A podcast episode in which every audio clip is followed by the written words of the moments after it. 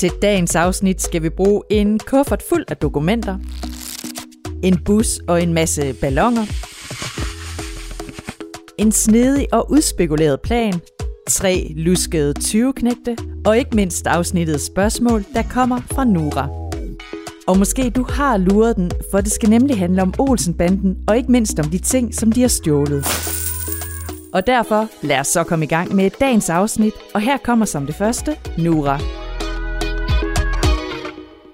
Hej, jeg hedder Nura. Jeg er syv år. Hvad er det største beløb, Olsenbanden det har stjålet? Det største beløb. Hmm, ja hvad er det egentlig? For at få svar på spørgsmålet, skal vi have fat i en ægte Olsenbanden-ekspert. Mit navn er Christian Mongård. Jeg er 50 år gammel. Jeg arbejder som øh, film- og tv-redaktør på en avis, der hedder Information. Og ved siden af mit arbejde, der skriver jeg bøger, og jeg har blandt andet skrevet en, en meget stor, en såkaldt coffee table bog, som er en meget stor og meget tung bog om Olsenbanden, fuld af billeder og tekst og alt muligt andet, som handler om Olsenbanden. Christian er altså vild med Olsenbanden, som er en bande med tre 20-knægte, der er med i en række danske film, og som stjæler alt muligt forskelligt. Og udover Olsenbanden, så er Christian også vild med bøger og vild med film og så vil, at han samler på det. Og derfor vil han også købe endnu flere bøger og endnu flere film, hvis han havde en million kroner. Jamen, jeg er øh, samler. Jeg samler på ting. Jeg samler på bøger, jeg samler på film. Jeg holder for eksempel meget af den berømte detektiv, der hedder Sherlock Holmes. Og øh, mange af de bøger er ret dyre og kan være ret sjældne, og så kan jeg godt lide at have første udgaverne, det vil sige de allerførste gang, de her bøger de udkom. Så hvis jeg havde en million kroner, så ville jeg købe en masse flere ting til, til alle de samlinger, jeg i forvejen har. Og fra bøger, film og Sherlock Holmes til Olsenbanden og Noras spørgsmål. For Nora vil jo gerne vide, hvad det største beløb, som Olsenbanden har stjålet, er.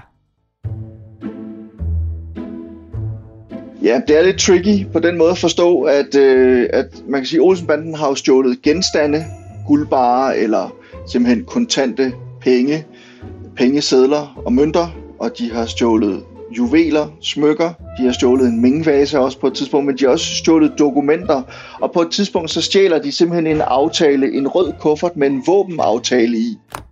Og den våbenaftale, den er altså 750 millioner kroner værd. Så det er i virkeligheden det allerstørste beløb, som, øh, som Olsenbanden har stjålet for. Så det største beløb, Olsenbanden har stjålet, det er altså hverken sædler eller mønter, men derimod nogle meget, meget værdifulde papirer, der er hele 750 millioner kroner værd. Men udover mappen med de værdifulde papirer, så har banden med de 23 knægte også snappet en hel del andre værdifulde ting. På et tidspunkt prøver de at stjæle en hel togvogn, som er fyldt med guldbarer, og den er altså 90 millioner kroner værd. De prøver at stjæle nogle diamanter, der hedder Bedford-diamanterne, som er i sådan en fin udskåret kuffert. De her Bedford-diamanter, de har en værdi af 15 millioner dollars. Så det har været sådan en blanding af, at de stjæler kontanter, altså deciderede fysiske penge, og at de stjæler de her genstande, eller guldbarer, eller juveler, som er, eller, eller dokumenter, som er mange, mange penge værd. Hvordan Olsenbanden så stjæler de mange ting, de nu engang stjæler, det kommer vi til lige om lidt. For lad os først få en lille smule bedre styr på, hvem Olsenbanden egentlig er. Jamen, Olsenbanden er et trækløver af 20 knægte. Altså Egon, Benny og Kjeld. Og Egon, han er ligesom bandens ubestridte leder. Han er et geni. Han er enormt god til at udtænke planer. Og han har så to gode venner og medarbejdere, hvis vi kan kalde det på den måde, samarbejdspartnere, som hedder øh, øh, Benny og Kjeld. Og de skal så hjælpe ham med at stjæle de her mange millioner, som han ligesom altid har store planer om at stjæle. Og de store planer, de indeholder alt muligt forskelligt, som Egon og de to andre i Olsenbanden skal bruge for at kunne stjæle det, de gerne vil stjæle. Det begynder ligesom sådan med, med at, at Egon han siger, okay, her er planen, jeg skal bruge. Så nævner han alle de her ting, han skal bruge. Det kan være en stiger, det kan være et par gummihandsker. Det er det her stetoskop, han altid skal have, altid lytte med, når han skal åbne pengeskabe og så videre. Det kan være en, en pakke tyggegummi, det kan være nogle ballonger. Det kan simpelthen være alt muligt forskelligt, som, øh, som, som Egon han har brug for, for at kunne udføre sin sindrige plan. Og selvom Egon, Benny og Kjeld har lagt massevis af snedige planer og gennemført lige så mange kub, så er det altså især et helt specielt kub, som er Olsenbanden-ekspertens favoritkub. Et af mine favoritkub i, øh, i filmene er i Olsenbandens sidste bedrifter, hvor de skal stjæle de her Bedford-diamanter. Og det foregår på Knibbelsbro i København, og det hele det afhænger af, at de kan få Knibbelsbro til at åbne sig på et bestemt tidspunkt, fordi et skib skal sejle igennem.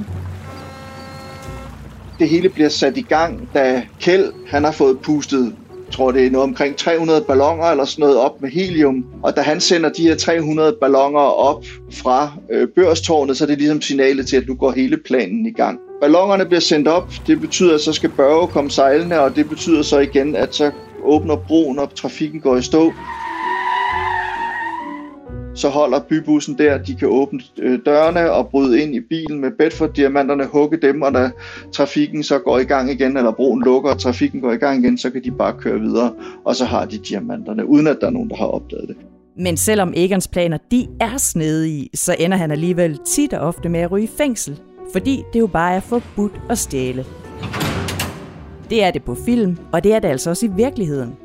For stjæler man penge eller andre værdifulde genstande i virkeligheden, så kan man altså få en bøde, eller måske komme i fængsel, hvis det, man har stjålet, er mange penge værd. Og apropos virkeligheden, så sker der faktisk også af til kub i den virkelige verden, som faktisk godt kunne minde lidt om Olsenbandens vilde kub i filmene.